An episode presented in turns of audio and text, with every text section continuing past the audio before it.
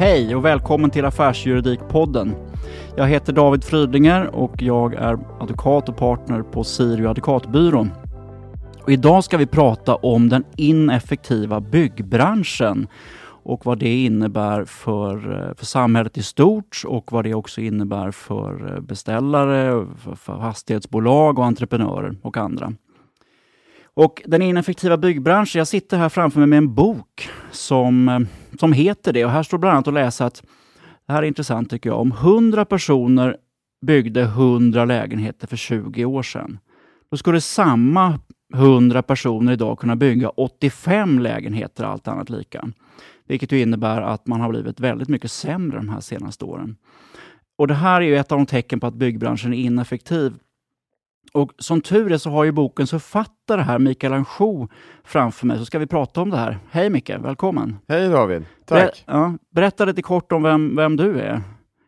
Ja, nej men jag är, just nu jobbar jag som rådgivare i förändringsprocesser. Jag är styrelseledamot i några byggföretag, eller förlåt, ett byggföretag och ett par andra företag kopplat till samhällsbyggnadssektorn. Och jag har en bakgrund som eh, bland annat vice koncernchef på Einar Mattsson. Einar Mattsson är Stockholms stads största privata bostadsfastighetsägare och en storbyggare och projektutvecklare i regionen.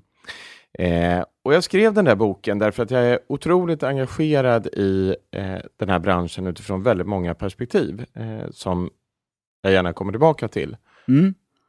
Och jag, eh, vad som jag tycker är intressant med den här boken som vi ska prata om nu, det är ju dels så att säga, vad det här innebär för att den är ineffektiv. Vad, vi för, vad det kostar samhället och vad det kostar de för företag och andra som jag hoppas kan lyssna på det här.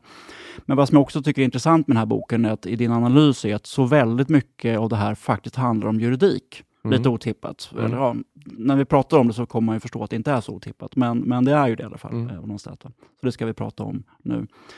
Och anledningen varför jag sitter här är ju jag jobbar inte själv i byggbranschen så mycket, men, men en av dina analyser handlar väldigt mycket om att sättet som vi upphandlar på, de avtal som ingås, att de är ineffektiva. Och det är ju någonting som jag själv har ägnat väldigt mycket tid åt, hur man skriver, hur man skriver bättre kontrakt eh, helt enkelt.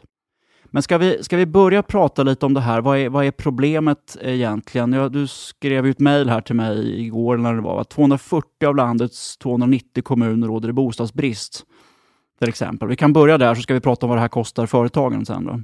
Just det. det stämmer och i eh, kanske 100-150 av de här kommunerna kan man inte bygga med dagens kostnadsläge även om man får marken gratis. Därför att betalningsviljan, hos de som, betalningsviljan och betalningsförmågan hos de som behöver bostäder eh, matchar inte den eh, helt enkelt kostnaden som det kostar att bygga husen för.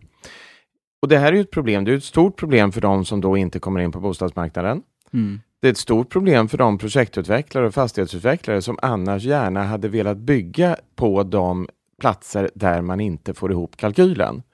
Väldigt många bostadsutvecklare sitter idag med den typen av problem. Vi får inte ihop vår kalkyl. Eh, och Det här hänger ihop med att byggkostnaderna har ökat med någonstans 150 procent under de senaste 20 åren samtidigt som konsumentprisindex, så det vi betalar för mjölken eller för, för kläder eller, eller vad det nu är, har ökat med runda slängar 25 procent. En oerhört stor skillnad. Om mjölken har gått från 10 till 12,50 mm. och lönen har typiskt sett matchat, eh, matchat kostnaden för, för eh, konsumentprisindex. Men samtidigt har kostnaden att bygga gått från 10 000 kronor kvadratmetern till 25 000 kronor kvadratmetern. Ja, då inser man att det här blir ett ganska stort problem. På det kommer ju kvalitetskostnaderna, kostnaden för bristande kvalitet som, som vi faktiskt, i det vi faktiskt levererar ut mot kund. Boverket uppskattar det till 100 miljarder kronor per år. Det är lika mycket pengar som vi lägger på försvaret, rättsväsendet och polisen och lite till varje år i kostnaden för kvalitetsbrister. Det här är rätt hisnande om man tänker som privatperson och samhällsmedborgare, så att det ska vara så ineffektivt. Så man, man funderar på, du skriver ju om det i boken också, vad det här, vad det här beror på. Och du är ju inte den första som uppmärksammar det heller. Och du skriver i boken också att till exempel Konkurrensverket har ju tittat på det här. Och det, jag tycker vi kan börja där lite. att konkurrens, du, jag uppfattar det som att din uppfattning är att Konkurrensverket försöker förklara det här med att det är bristande konkurrens. Alltså, och, och, men det är ju en uppfattning som du inte delar. Nej, jag tycker det är en alldeles för enkel syn. Varje, jag på säga att varje bostadsminister med självaktning har eh, tillsatt någon sorts konkurrensutredning. Eh, och alla kommer fram till att, att vi måste ha fler aktörer. Jag tycker det är ett alldeles för förenklat synsätt. Det finns eh, på, på stats... Det är klart att just precis nu är det inte jättemånga som springer på stadsbyggnadskontoren. Därför att man är väldigt osäker på vart ekonomin går efter corona och så. Men går vi tillbaka ett par år så var det fler än någonsin eh, som ville köpa mark från de olika stadsbyggnadskontoren runt om i kommunerna. Det var oerhört många byggföretag som var villiga på olika marknader att bygga. Eh, och det, var, det, var, eh, det finns liksom en uppsjö av, av eh, leverantörer. På Däremot så finns det vissa delmarknader där man kan hitta problem med konkurrensen, men det är inte huvudproblemet. Nej, eh, jag brukar ta exemplet att skulle vi, om vi tycker att sockerkakorna är, är, eh, är äckliga i Stockholm, om vi då bjuder in 15 tyska bagare men tvingar dem att följa precis samma recept, eh, köpa mjölet från samma håll, anställa samma typer av bagare, ja då kommer sannolikt eh, också sockerkakorna att smaka likadant. Och det är lite det som är problemet mm. här. Mm, Men alltså då, jag tycker det där kopplar an till en viktig fråga. Vi ska komma tillbaka med till orsakerna. Därför att man kunde ju tro, om det var bristande konkurrens, så betyder det ofta att det finns inträdesbarriärer och då finns det några som tjänar rätt mycket pengar. Mm. Men, men, det du säger här inledningsvis också är att de som är innanför barriärerna tjänar inte så mycket pengar. Det är ganska stor olönsamhet, vilket är en av anledningarna varför vi sitter där. För vi ska ju prata om hur kan man komma åt det här. Va? Men kan vi prata lite om det va, innan vi tittar mer på orsakerna? Det är klart att under, under den perioden, så mellan 2010 och 2017 och sånt, så fanns det en lönsamhet hos projektutvecklarna och fastighetsägarna därför att räntenedgången drev upp fastighetsvärdena. Men det är egentligen inte så, och, och, den situationen är för övrigt förbytt nu. Det är inte jättemånga projektutvecklare som, som anklagas för övervinster just precis i dagsläget. Eh, till det kommer ju att det typiska byggföretaget tjänar nästan inga pengar alls kopplat till den risknivå de tar. Ett fåtal procentenheter om, om allting går vägen och ganska ofta så blir det ganska stora nedskrivningar i projekt, vilket raderar ut vinsten för många av byggföretagen. Så det är inte... Det, det, och, och tittar vi på projektutvecklarna och fastighetsbolagen över tid så är det inte heller så att de typiskt sett visar någon stor, stor överlönsamhet. Enskilda företag kan gå jättebra, men om man tittar på det som bransch. Mm, så, så det är precis, eh, precis det du säger, det är en statisk konkurrens eh, bland många aktörer eh, som gör att lönsamheten är inte speciellt hög. Men däremot så blir det ingen dynamisk konkurrens som, som driver fram en utveckling och då är frågan varför är det mm, så? Det är det som konkurrensutredningarna tror löser sig om man bara stoppar in ännu fler företag.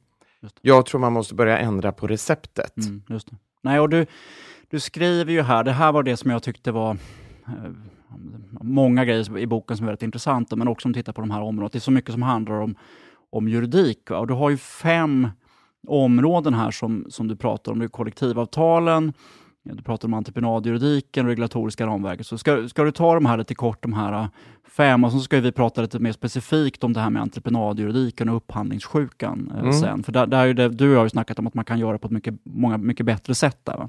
Just det. Men det är väl bra att vi börjar på helheten. Och så här. Äh, mm. Om man tar den första så är ju det eh, kollektivavtalssystemet och jag menar ju att, att kollektivavtalen för hantverkare i byggsektorn med den fullständigt kollektiva lönesättningen som innebär att varje, eh, det är bara ett arbetslags förtjänst, inte, någon, inte den enskildes förtjänst som premieras. Man får som arbetsgivare inte premiera en enskild arbetstagare på ett bygge om man inte premierar hela arbetslaget.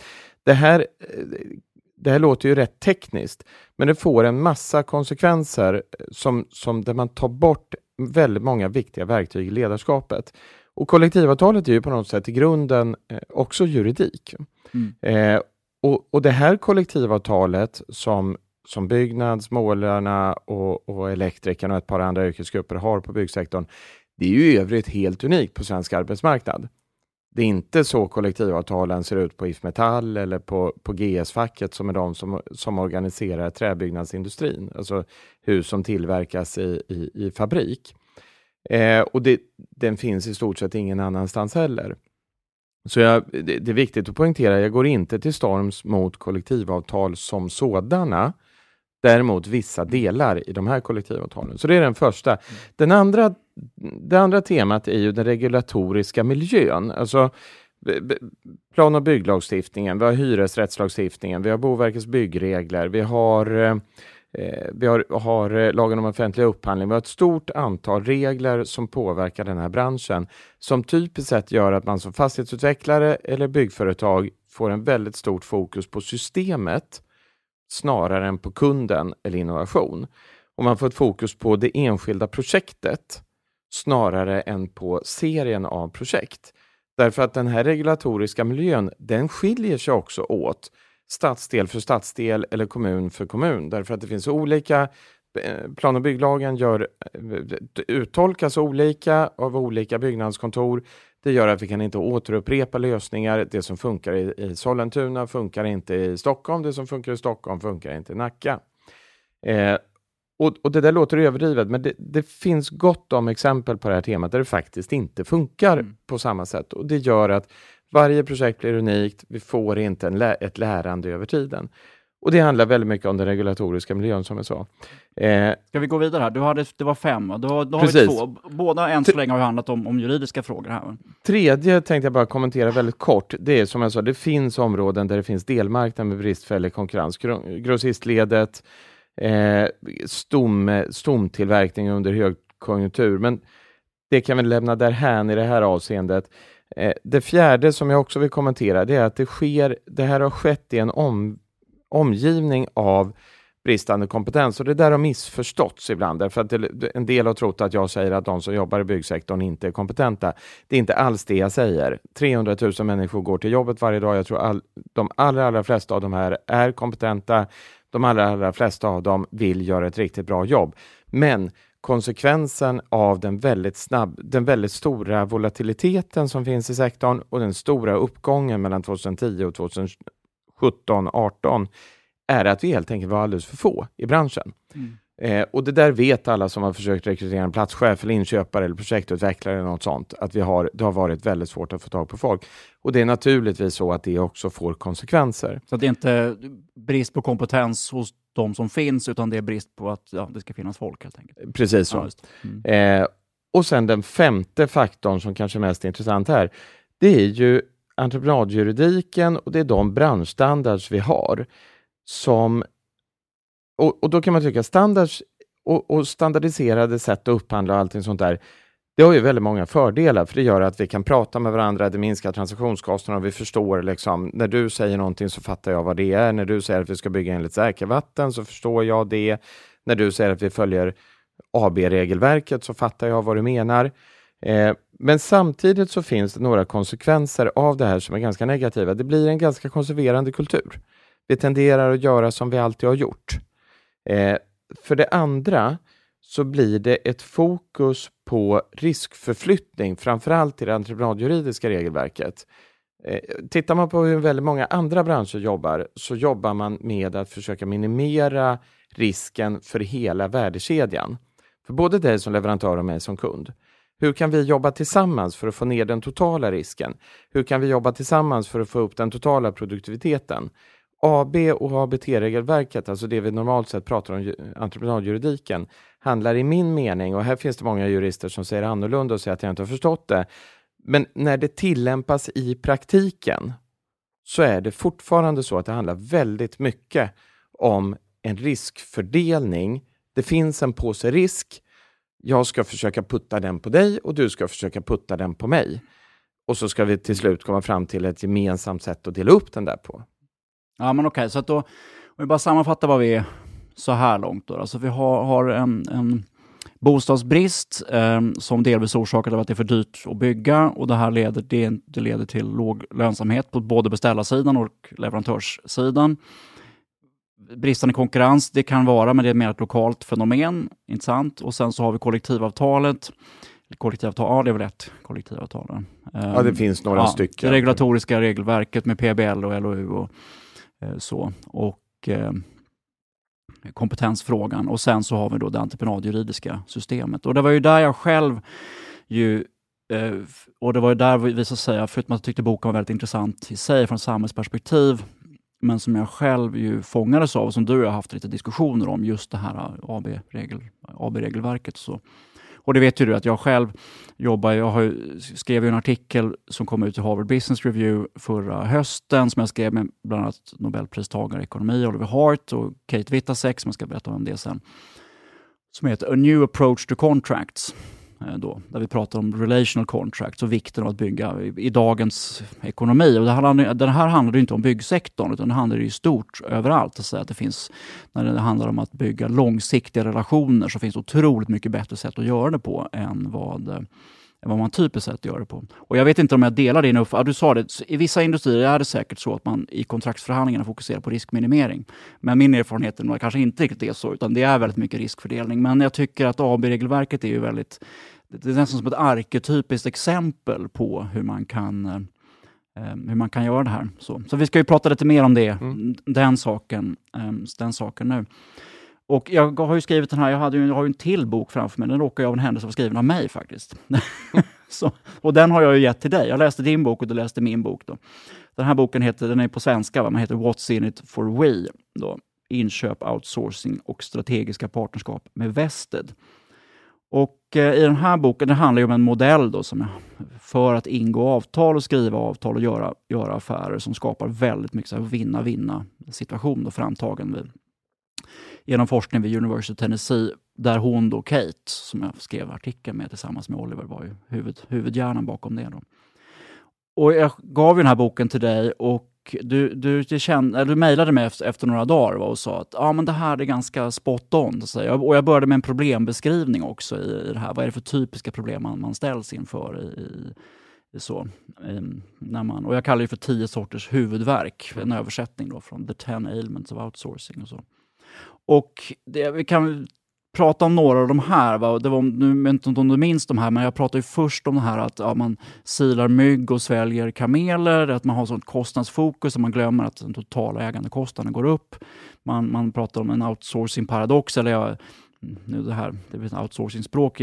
du är expert, jag ger dig ett uppdrag för att du är expert, men jag detaljstyr hur du ska göra arbetet och sen så någon slags aktivitetsfälla också. Jag ersätter dig för alla aktiviteter. Då får jag aktiviteter och du har inget riktigt incitament att ge tillbaka resultatet. Så bara, du kan väl berätta lite vad du tänkte om när jag säger de här nu, eller vad du tänkte när jag läste så, om den problembilden, som jag uppfattar att du tänkte att den stämmer ganska bra överens på din uppfattning om, om byggprojekt helt enkelt.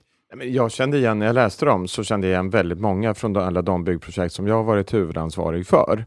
Eh, inte minst just den här, vi fokuserar väldigt mycket på kostnaden i själva kontraktsförhandlingen. Men sen så kommer det väldigt mycket äta därefter. Så att vi fokuserar på, in, på anbuds, anbudssituationen, men det, vi egentligen, det det egentligen handlar om är ju vad blir totalkostnaden för projektet och vad blir det för kvalitet som blir inbyggd i projektet? Kommer vi att nå energikraven som husen eh, ska leverera på till exempel, eller får vi ökade driftskostnader? Det finns massor med sådana frågor så, och, och, exempel som jag tyckte jag fick från, från eh, din bok.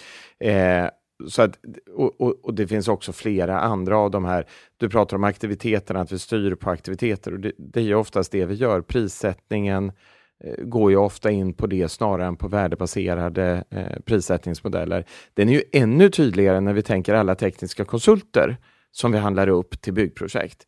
Då, då köper vi dem ju på timme och gärna lägsta pris per, för en timkostnad. Och sen är det beroende för, för av, av hur många eh, timmar de lägger ner. Och då blir ju frågan, liksom, vad ger vi en arkitekt eller en teknisk konsult, en brandkonsult eller något sånt för incitament att faktiskt återupprepa en gammal lösning de vet fungerar och bygga strukturell kunskap över tid? Ja, inte speciellt mycket, för det innebär ju att de får färre timmar. Snarare än om vi betalar dem för det värde de faktiskt skapar i att skapa ett riktigt bra hus som kommer att stå på plats i hundra år. Min erfarenhet när man har den här, vi ska prata mer om det, för jag tycker att det framgår inte så mycket i din bok, det här med själva affärsmodellen, va? men det är min erfarenhet. Men när man har den där modellen, jag kallar det för transaktionsbaserad affärsmodell, då, då hamnar man i det på engelska som kallas för the watermelon scorecard. Och en, en vattenmelon är ju grön på utsidan och den är röd på insidan. Så att SLA är liksom gröna, men mm. insidan är röd. Jag får inte det jag vill, det jag vill ha. Alltså, mm. För det finns liksom inget incitament, eh, incitament för det. Och, och det. Om du reflekterar lite över det, för det det är den underliggande premissen också på något sätt som jag läser i AB-systemet. Det står ju inte någonstans att det måste vara en, en sån modell, men det är en, liksom, typiskt sett, även om det är fastprisprojekt så har ju alla räknat på det i form av transaktioner. Um, och, och, och, Man kan ju fundera på det som du säger, om du vill utveckla det lite. Vad driver det för incitament egentligen, uh, att man har den typen av modell? Jag, jag håller med. Det är ju prissättningsmodellen i branschen i stort i alla de olika transaktionsleden och det är ju otroligt många transaktionsled dessutom i byggsektorn. Alltså vi, vi handlar ju upp eh, en, entreprenad styckas ju i slutändan ner i väldigt, väldigt många små delar. Och det här gör att på, på ett vanligt husbygge så kan du ha ja, det är inte ovanligt att du har ett par hundra företag involverade på ett eller annat sätt i den transaktionen och alla bygger upp det på någon sorts kost plus-modell. Man räknar efter, man, man sitter och mängdar på ritningen och räknar efter vad kostar varje, varje enhet snarare än att titta på vad är det för värde vi ska leverera i slutändan mot kund. Och en, och en fråga då som är nästan retorisk, va? men så, tycker du att den här affärsmodellen driver samstämmiga incitament mellan köparen och säljaren? Typiskt sett inte då. Nej. Det finns, men, så här, det finns ju en massa exempel naturligtvis på byggprojekt som går bra, där handlingarna är väldigt väl utförda från början eller genom, genomtänkta från början och där man har en avtalsstruktur som ändå funkar för det man ska bygga. Eh, men, men genomgående i detta är ändå ett fokus på det enskilda projektet. Vi optimerar projektet snarare än serien av projekt. Genomgående är, som du säger, det är en, i grunden en transaktionsbaserad modell. Eh, och och då, många gånger har jag en bild av att de projekt som går bra, går bra trots avtalen snarare än tack vare avtalen. Lite elakt sagt och det finns säkert massor med entreprenadjurister där ute som kan lyssna på det här som blir upprörda. Men då får de bli det, för det här är ändå eh, erfarenheten från ute liksom, i, där kontrakten omtolkas mm. till en verklighet. Nej, men om min, när jag tänker på det här, de här symptomen då på pro problem att man hamnar med högre, man fokuserar så mycket på kostnader så man glömmer att det blir högre kostnader, man missar det, eller man detaljstyr eller det här. Va? Det beror då mycket på just, först och främst på själva eh, prismodellen, att man bygger in, och det här, nu pratar vi om byggprojekt, men min erfarenhet, jag jobbar ju med den här typen av frågor inom, inom, inom IT, inom järnväg, inom gruva, alltså det är inom en mängd olika industrier. Det är samma tänk överallt och den här prismodellen finns ju överallt. Då, så. Och sen så ska man ju då skriva ett kontrakt och det här är intressant om jag tänker nu. Här finns ju standards då. Mm. Men, men då som jurist så vet ju jag, om du, du är leverantör, att, att vi har motstridiga intressen. Va? Och, och, Det är här jag, varför jag sa att jag delar kanske inte uppfattningen att i många andra industrier så tittar man på risk optimera, utan det blir väldigt mycket att fördela risk. För jag vill ju putta risken på dig. Vi har ju motstridiga intressen, så vem ska ta risken för när, när, när det går fel? Um, helt enkelt. Och då bygger man in hela avtalet i grunden bygger på en, en, en nästan omedvetet antagande om att ja, men just det, vi har ju motstridiga intressen, här, i det här fallet då entreprenör och beställare. Uh, så. Nej, och min poäng kanske, jag kanske ska omformulera mig. Det jag menar är att det finns några riktigt skickliga aktörer i ganska många andra branscher. Därmed inte sagt att alla andra branscher följer det, men det finns några riktigt skickliga aktörer mm. i flera olika branscher som jobbar helt annorlunda med sina leverantörer och entreprenörer, eller motsvarigheten till entreprenörer, än vad vi gör i byggsektorn. Mm. Och det, det, här är ju liksom inte ett okänt fenomen i byggsektorn heller. Du och jag har ju pratat en del om partnering. Eh, partnering har ju på något sätt varit, du och jag har en samsyn i att det kanske inte är hela lösningen, eh, men det, det, har ju varit ett svar på att man själv i byggsektorn förstår problematiken med ett avtal som så tydligt sätter varandra vid varsin sida av ett bord och, och liksom peggar upp för en konflikt. Just det. Ska, ska jag ge dig bara min, det här är intressant, och ge dig min bild av av parten. Han Oliver eh, Hart, va, som jag skrev den här artikeln med, han, han fick ju Nobelpriset för bland annat något som kallas för incomplete contract theory. Då, det faktum att alla kontrakt är inkompletta. Eh, man, man, skriver kontrakt för att på något, ja, men, mm, och det, det, är bra, men man kan aldrig skriva dem kompletta. Och vad händer då när det visar sig att det är inkomplett, eh, helt enkelt? Va, efter att man har ingått avtalet. Då, va, va, hur, om man upptäcker att det är någonting som är svårt att tolka eller att det är ett hål i avtalet helt enkelt. Då. Och jag har tänkt, som jag tänker på ett byggprojekt, om jag ska då projektera för eh, Jag pratade med någon om Norra länken häromdagen. Sånt där. Det finns ju rätt många osäkra faktorer, minst sagt. Eh, så. Och att det, finns, det är ett gigantiskt problem förstås, att som jurist att skriva ett kontrakt för när det är så många osäkra faktorer.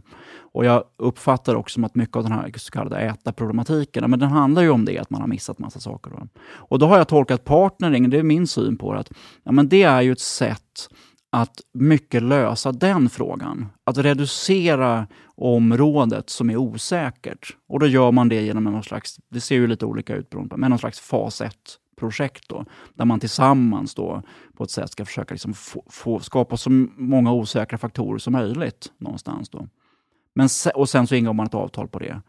Men sen när man fortsätter i fas 2 och ska börja bygga, ja man har ju fortfarande delvis misslyckats i den första delen och då är man tillbaka i AB-systemet och den här eh, motsatsförhållandet. Eh, så, så att grundtanken är bra, men man, man tar det liksom inte hela vägen. Mm. Eh, så det, det, är min tolkning som jurist av, av, av partnersystemet och bristen. Så vad, vad, vad, vad, tänker du om det? Nej, men jag, jag håller väl i grunden med om det. Jag vill lägga till två saker. Det ena är ju att det många gånger i själva byggnationsfasen finns någon sorts eh, vinst eller incitamentsystem. Når vi ett takpris, når vi under ett takpris så ska vi dela på, på eller ett riktpris eller mm. olika konstruktioner på det, så ska vi dela på det så att säga, eh, dela på mellanskillnaden alternativt vara med och båda två bekosta det överskjutande eh, beloppet. Problematiken med, med det är ju att du får en, en ett, du måste då också ha en diskussion om hur du reglerar takpriset och, och riktpriset. Går projektet bra, då behöver du inte reglera det där speciellt mycket. Då finns det en pott över som man kan dela på och alla är glada och tycker att det här var ett fantastiskt bra projekt. Går projektet inte bra därför att man in, det är någonting man inte har förutsatt i fas 1 eller av någon annan skäl, något annat skäl, då är man ju väldigt ofta tillbaka i AB och ABT-systemet därför att väldigt ofta, i varje fall i alla de partneringkontrakt jag har sett, så är det fortfarande AB och ABT som ligger som grund.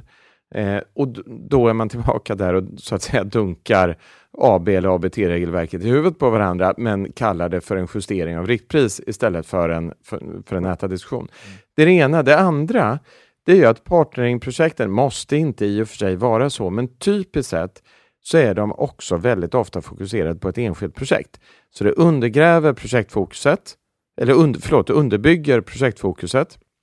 Det underbygger hela tiden det här att nu tittar vi på, på just det vi gör här och nu. Vi, vi bygger inte en långsiktig relation som gör att vi över tid kan minska kostnaden för inte bara det här huset också, utan också för det tredje, och det fjärde och det femte huset. Då invänder väldigt många att jo, men projekten är unika. Ja och nej.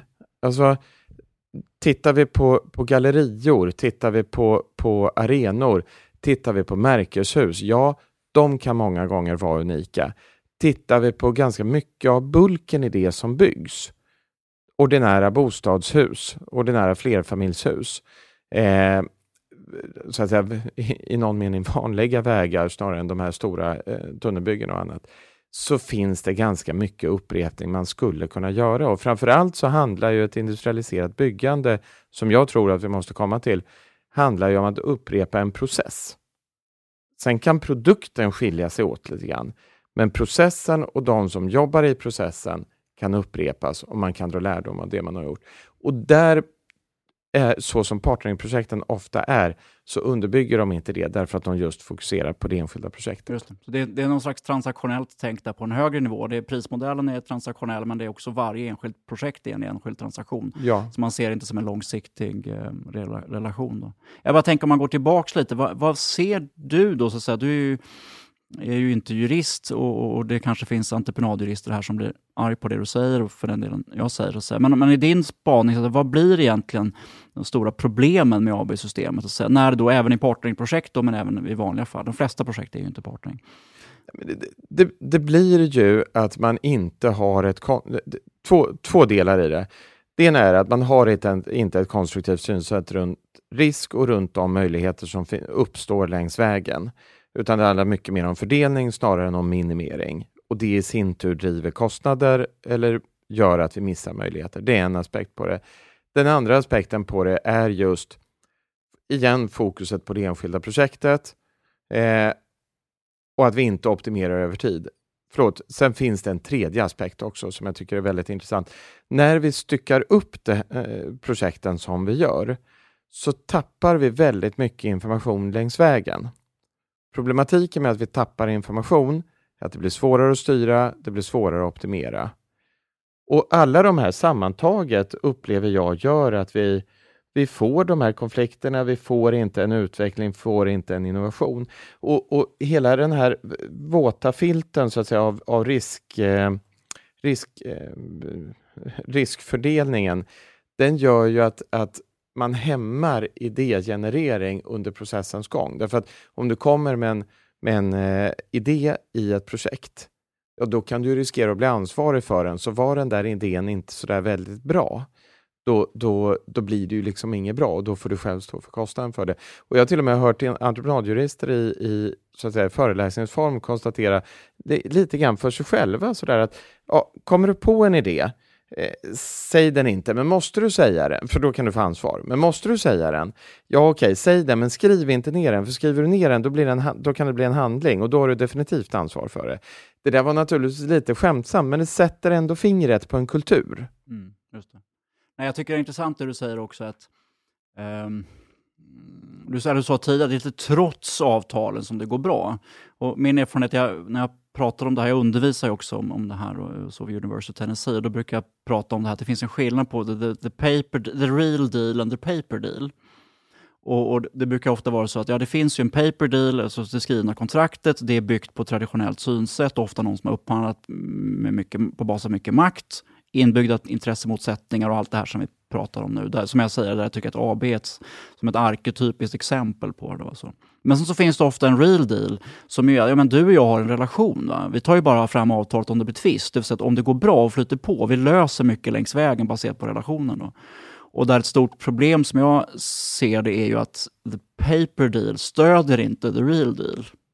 Om jag säger så, vad, vad, tänker, ja. vad tänker du då? Känner du igen det? Eller? Ja, men det kan jag absolut känna igen. Definitivt. Att det, liksom, det bygger... För att det finns väldigt mycket...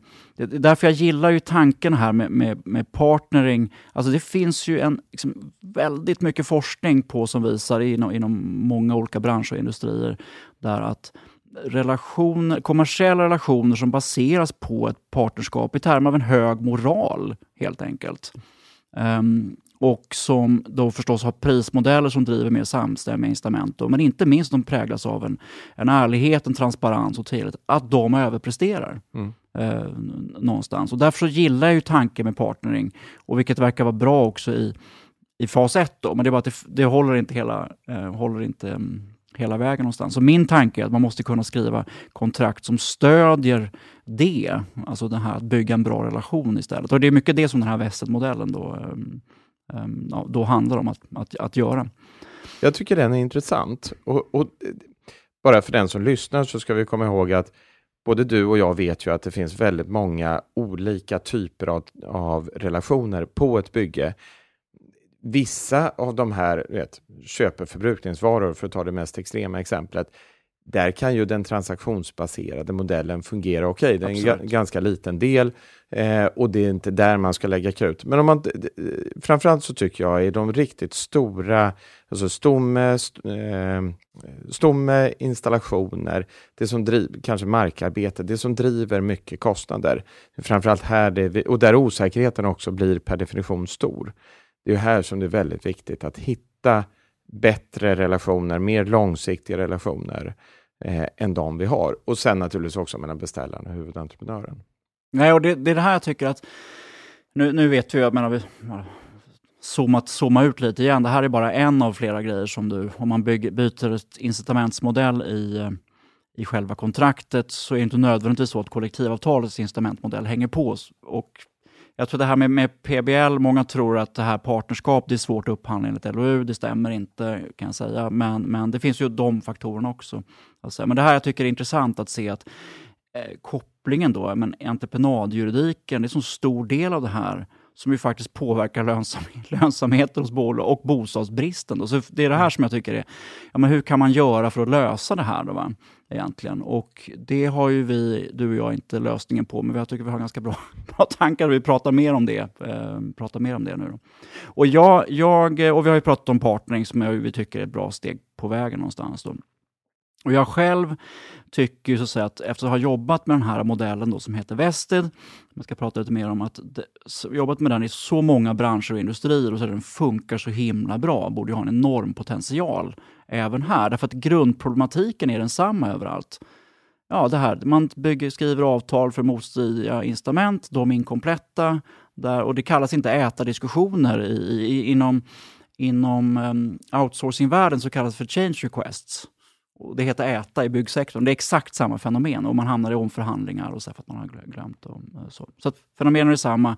Västmodellen har löst det här problemet i många avseenden. Andra industrier måste rimligtvis kunna göra det i, i, i den här.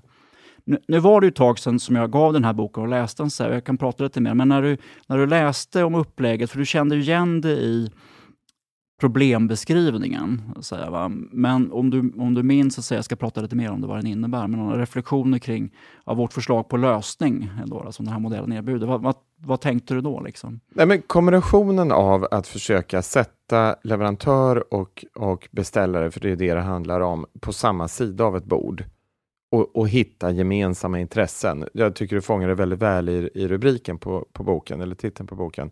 What's in it for we? Alltså det handlar om, om den gemensamma värdeuppbyggnaden. Jag, jag tror att, därför är det det som är fokus, då kommer man också hitta lösningar som blir innovationsdrivande, som blir, eh, som blir riskminimerande snarare än riskfördelande. Så att du sätter en helt med den typen av modell. Jag har själv inte jobbat i den typen av kontrakt, men när jag, efter att ha läst din bok, den typen av modell tycker jag sätter rätt. Den sätter attention rätt, om du förstår vad jag menar. Mm. Nej, men om, man, om jag tar lite kort för dig och för recap också för lyssnarna. Då. Det, det är en modell som man, man, man, gör, man gör en process i fem steg eh, då, och det man implementerar liksom fem regler där man, där man börjar med att titta väldigt mycket på, lägger plattformen för en för en relation. Då. Man ser, vad har vi för vision eh, för det här? Vad har vi för övergripande långsiktigt mål? Vilket jag tycker är intressant att tänka på i det här. Ska man tänka det enskilda projektet då? Men du vill ju gärna att man ska ha liksom en långsiktig relation med flera projekt. Så den tycker jag låter som en viktig komponent att få på plats. Då. I, in, precis. I, I normalfallet så tycker jag det. Sen igen, om det är så att vi ska bygga märkesbyggnad, då ska naturligtvis ja. visionen vara att bygga den här märkesbyggnaden så att den blir så fantastisk som den bara kan. Mm. Samtidigt till en så låg kostnad som, den bara, eh, som vi bara kan. Men jag tycker i, i, i, normalfallet i branschen så tappar vi perspektivet av flera projekt. Mm. Just det. Nej, men så man, precis, man börjar där och sen så är det här med, jag sa ju det att man man, eh, forskning som visar på att kontrakt som kännetecknas av en hög moral liksom överpresterar. Så vi har då sex stycken vägledande principer som det heter som handlar om ganska självklara grejer som reciprocitet och ömsesidigt givande och tagande och ärlighet och att inte använda makt och så. Det är moralnormer då. Då omvandlar vi dem till kontraktuella normer och bygger in dem. Och sen så ligger de också till grund för resten av förhandlingarna. Så när man har gjort det då sätter man ju upp liksom de övergripande målen. Eh, på engelska kallas det för desired outcomes med projektet. Och den är lite intressant att tänka om vi hade nu så leka vi skulle sitta i en workshop och du får välja fritt vilket byggprojekt. Så om du skulle sätta upp fyra liksom övergripande outcomes eller mål för ett, eh, ett byggprojekt, vad skulle det vara för någonting då? Typiskt sett så handlar det om någonting med kvaliteten. Eh, vi ska leverera bra kvalitet, det ska vara färdigt eh, när det ska vara färdigt. Vi ska inte behöva bygga om huset efteråt. Nummer ett. Nummer två är, är tid. Ehm, det ska vara färdigt på, på, en viss tid eller så kort tid, typiskt sett så kort tid som möjligt, för att vi binder ju som fastighetsägare väldigt mycket kapital när vi börjar bygga. Eh, så kort tid som möjligt och definitivt färdigt på den överenskomna tiden. Eh, det ska vara kost, en kostnadsnivå som helst går neråt över tid. Eh, det gör den i väldigt många andra branscher för övrigt. Eh, det gör den aldrig i byggsektorn. Eh, och, och kostnad, så, att, så rätt kostnad för det, så att vi får lönsamhet i projektet. och sen så, så är ju, tycker jag att de, det är viktigt också att de som jobbar i projektet känner att jo, men det här är ett bra projekt att jobba i. Dels har det faktiskt ett egenvärde. Eh, vi, vi lägger så stor del av vår tid på jobbet så att jobbet borde vara kul. Eh, dessutom så stödjer du de andra tre väldigt tydligt.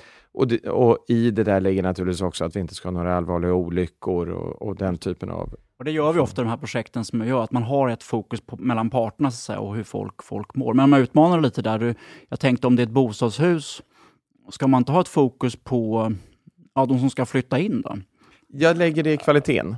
Ja, okej. Okay. Just det. Uh, har vi tänkt rätt i kvaliteten ja, så blir ju det ett fokus mm. på de som flyttar ja, in. Nej, för, för mig blir det ofta så att man har fokus på den gemensamma slutkunden eller användaren. Va? Det ja. sätter den vid samma sida av bordet. Det är de vi tänker på. Just det. Uh, så, så det är lite så jag... Men kombinationen av kvalitet och tid är ju... Om, om, du flyttar in någonstans, då vill du flytta in i en lägenhet som, mm, som ser ut så som projektet, prospektet faktiskt visar att det ska se ut och den ska vara klar när du, mm. när du har kommit mm. överens med bostadsutveckllarna om att den mm. ska vara klar. Eh, så jag tog, för mig är både kvalitet och tid kopplar egentligen till, i slutändan till kunden. Jag utmanar lite här för att lyssnarna ska, ska tänka igenom också. Ja, nej, men och sen så, man går ju vidare här, jag ska inte ta alla detaljer i modellen då. Man gäller att hitta viktiga så att säga, KPI här också. Va? Eh, så, därför att det, det som är fint, vi säger att den här modellen, man har ett relationsbaserat kontrakt, och, men du anser den är en out, resultatbaserad prismodell. Då. Det är ju den som är, är lite viktig. Och nu har vi snackat om det, att man har en transaktionsbaserad prismodell som ju egentligen man får betalt. Det är ju inte oberoende av kvalitet, för det finns ju massa regler om det. Va? Men, men det finns ju inga så starkt drivande incitament mot det. I partnering finns det ju det här med, med riktpriser och om man kommer under så kan man få liksom en, en besparing. Men, men det här är intressant att tänka också, för prismodellen ska vara resultatbaserad. Har du satt upp dina mål, du har hittat KPI för att mäta målen, så ska du skapa incitament för, för leverantörerna. Jag menar, ju mer du, du sa att kostnaderna skulle gå ner. Va? Det, om det finns lyssnare entreprenörer här så är de oroliga. Nu, nu tänker Micke på att nu ska vi pressa priserna. Och sånt där. Jag tror inte att, det är inte det du menar. Egentligen. Det är de totala ägandekostnaderna. Exakt. Så så det, det skulle ju vara ett starkt incitament att säga, i prismodellen. Då. Alltså, så ju mer vi sänker de totala ägandekostnaderna tillsammans, desto mer... Det är ju egentligen så. Eh, ju, ju mindre beställaren får betala, eh, desto mer marginal ska leverantören ha. Mm. Det är den modellen man vill bygga egentligen. Och så Precis. kan man koppla det till tid då, förstås. Um, men om, om du, och sen så kan man tänka sig andra aspekter också, men det, och även då kvaliteten. Jag tycker själv den här man ska alltså ha en uppföljning på det angående sen. Hur nöjda är folk som flyttar in? Mm. Det borde finnas en, upp, en koppling till, till det. Då, så. Så det är den fjärde.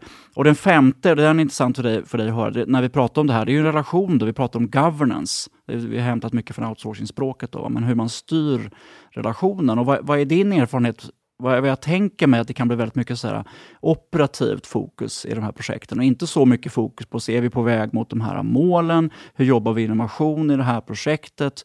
och så. Men det är lite min uppfattning, så att säga. Vad, hur, hur upplever du så att säga, styrningen av de här projekten i termer av att bibehålla och bygga en relation? Där, där faktiskt måste jag ändå eh, lyfta fram några av de partneringprojekt som jag själv har varit mm. involverad i, eh, där det fanns en tydlig governance-modell med, med, det, med det här språket. Då. Du hade de operativa och sen så hade du, eh, hade du eh, första chefsnivån och sen så var jag ofta med som VD och motsvarigheten VD hos... hos en strategisk nivå? Liksom. På en strategisk nivå. Mm. Eh, och där upplevde jag i partneringprojekten att det faktiskt, i några av dem jag var med, funkade ganska bra. Och jag, det där är ganska likt den typ av governance-modell som du pratar om i västermodellen. Mm. Mm. Så där har man ju hämtat, liksom, partneringmodellen har hämtat inspiration mm. från den här mm. typen av governance-modeller. Oft, däremot i, i eh, traditionella projekt så kan det vara lite si och så. Alltså då, då, då är det ofta byggmöten och då kallas man ofta in som, som högst påskrivande på kontraktet när det verkligen har gått riktigt dåligt i någon typ av, av eh, transaktioner. Mm. Eh, så jag, jag tycker eh, för, de, för de som har jobbat i bra genomförda partneringsprojekt med en bra styrningsmodell, då förstår man ganska väl vad det är du är ute mm, efter. just det. Nej, och den här tycker jag är intressant. Jag får ofta en invändning. Ja, men det här det här gör vi, vi har incitament i vår prismodell eller vi, vi har en governance-modell. Men vad man inte ser är att det här hänger ihop i ett system. Vad alla måste Precis. få plats. Då driver det fruktansvärt stam, samstämmiga instrument. Mm. Då blir det här, de här projekten kännetecknas ju typiskt av att leverantören får mer kvalitet, lägre kostnader, eller kunden får mer kvalitet, lägre kostnader, mer innovation. Samtidigt som leverantören får en bra marginal. Och det borde finnas en enorm potential för det eh, här, tänker jag. Då. Och det var lite det som också var min poäng med partnerprojekt som inte går bra. Eh, då hamnar man tillbaka i AB och ABT-regelverket som man dunkar i huvudet på varandra. Mm. Men, men, den här typen av kontraktsmodell eh, som du pratar om, ja, då, då backar man ju inte tillbaka till det, utan då finns det andra typer av sätt för att lösa mm. det som jag mm. eh, tror skulle, utan att ha erfarenhet av det, gynna flera typer av byggprojekt. Mm. Men du, ska vi bara gå mot lite avslutning här och vi zoomar ut igen. Liksom varför, och det går ju tillbaka till problembilden, så att säga. Men, men varför... Du, du verkligen går ju till Ja, det, jag förstår att du fått rätt mycket kritik. Inte på grund av låg kvalitet, men för du är ganska offensiv. Så att säga. Och jag såg någon, någon eh, fackföreningsledare som, som hängde ut dig på LinkedIn. Och, och, och så. Då. Men, men om du skulle liksom dina liksom fem, vet, tre eller fem, var hur många du har, viktigaste budskap liksom till, till branschen här för att komma till rätta med de här problemen, utöver det vi har snackat om nu? Ja. Nej, men, nummer ett, som jag tycker är oerhört viktigt, det är ju att komma ihåg att vi, de som går till jobbet om dagarna går typiskt sett till jobbet för att göra ett bra jobb. Och väldigt många försöker driva väldigt många typer av förändringsprojekt därför att vi, väldigt många ser problemen i, i, som jag påtalar i byggsektorn. Men vi ser, det inte, vi ser inte resultatet av dem på övergripande nivå. Och Det handlar, tror jag, väldigt många gånger om att vi sitter fast i de här strukturerna. En del av de strukturerna är externa, eh, alltså kollektivavtalen är externt för de som jobbar i projektet. PBL och den typen av regulatoriska miljö är extern. Men det finns saker vi kan jobba med internt. Vi kan jobba med leveran leverantörskedjan. Vi kan jobba med att bygga ett, ett produktionssystem. Vi kan jobba, börja jobba med att attackera slöserierna. Så det handlar om att fokusera där. Så num nummer ett är liksom, jag går inte till storms mot de som jobbar i byggsektorn. Jag går till storms mot de eh, strukturer som hämmar kapaciteten hos alla de som jobbar i byggsektorn. Och det tycker jag är en viktig dis distinktion. Och mot de som försvarar strukturen kanske? Några, no, några personer precis. kommer känna sig träffade. De som försvarar, precis, så kan det väl vara. Ja. Eh, det andra som jag tycker är viktigt att lyfta fram, det är att det finns ju goda exempel i andra sektorer, i andra branscher. Eh, från and och, och, vi måste börja våga eh, med självförtroende ändå titta på de goda exemplen. Det du lyfter fram är ett gott exempel. Hur, hur, eh, eh hur man jobbar med produktivitetsutveckling i vissa branscher, eller vissa företag i vissa branscher. Ett annat exempel. Det måste vi börja våga lyssna på. Och det tredje är, tycker jag, att eh, vi måste börja våga utmana de här strukturerna. Eh, för vi, vi, vi ser ju all, alla ser ju problematiken. Det är väldigt många som har suttit i försökt hantera projekt som inte levererar rätt kvalitet till kund, där kunderna är upprörda.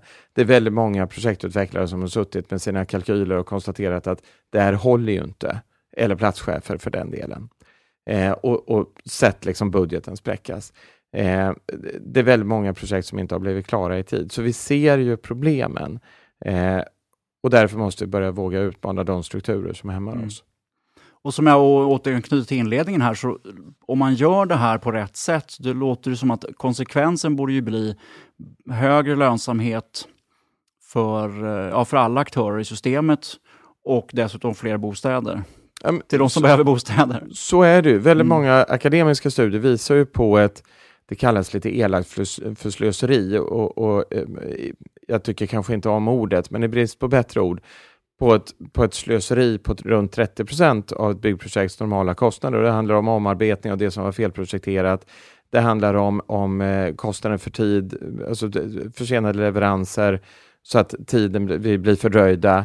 Eh, det handlar om att vi måste gå tillbaka till kunden och göra om och göra rätt. Alltså, om man lägger ihop allt det här så pratar man om runt 30 procent eh, slöserikostnad. Eh, de 30 procenten räcker ju på något sätt till både för att entreprenören ska kunna få lite bättre lönsamhet, vilket de faktiskt många gånger är värda, eh, samtidigt som projektutvecklaren eller fastighetsutvecklaren ska kunna ha lönsamhet i att bygga där de idag inte kan bygga. Mm.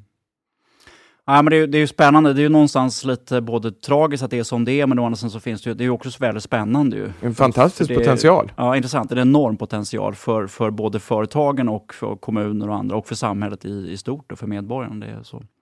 Hörru Micke, stort tack för att du ville komma hit och, och prata med mig. Och tack själv David. Ja.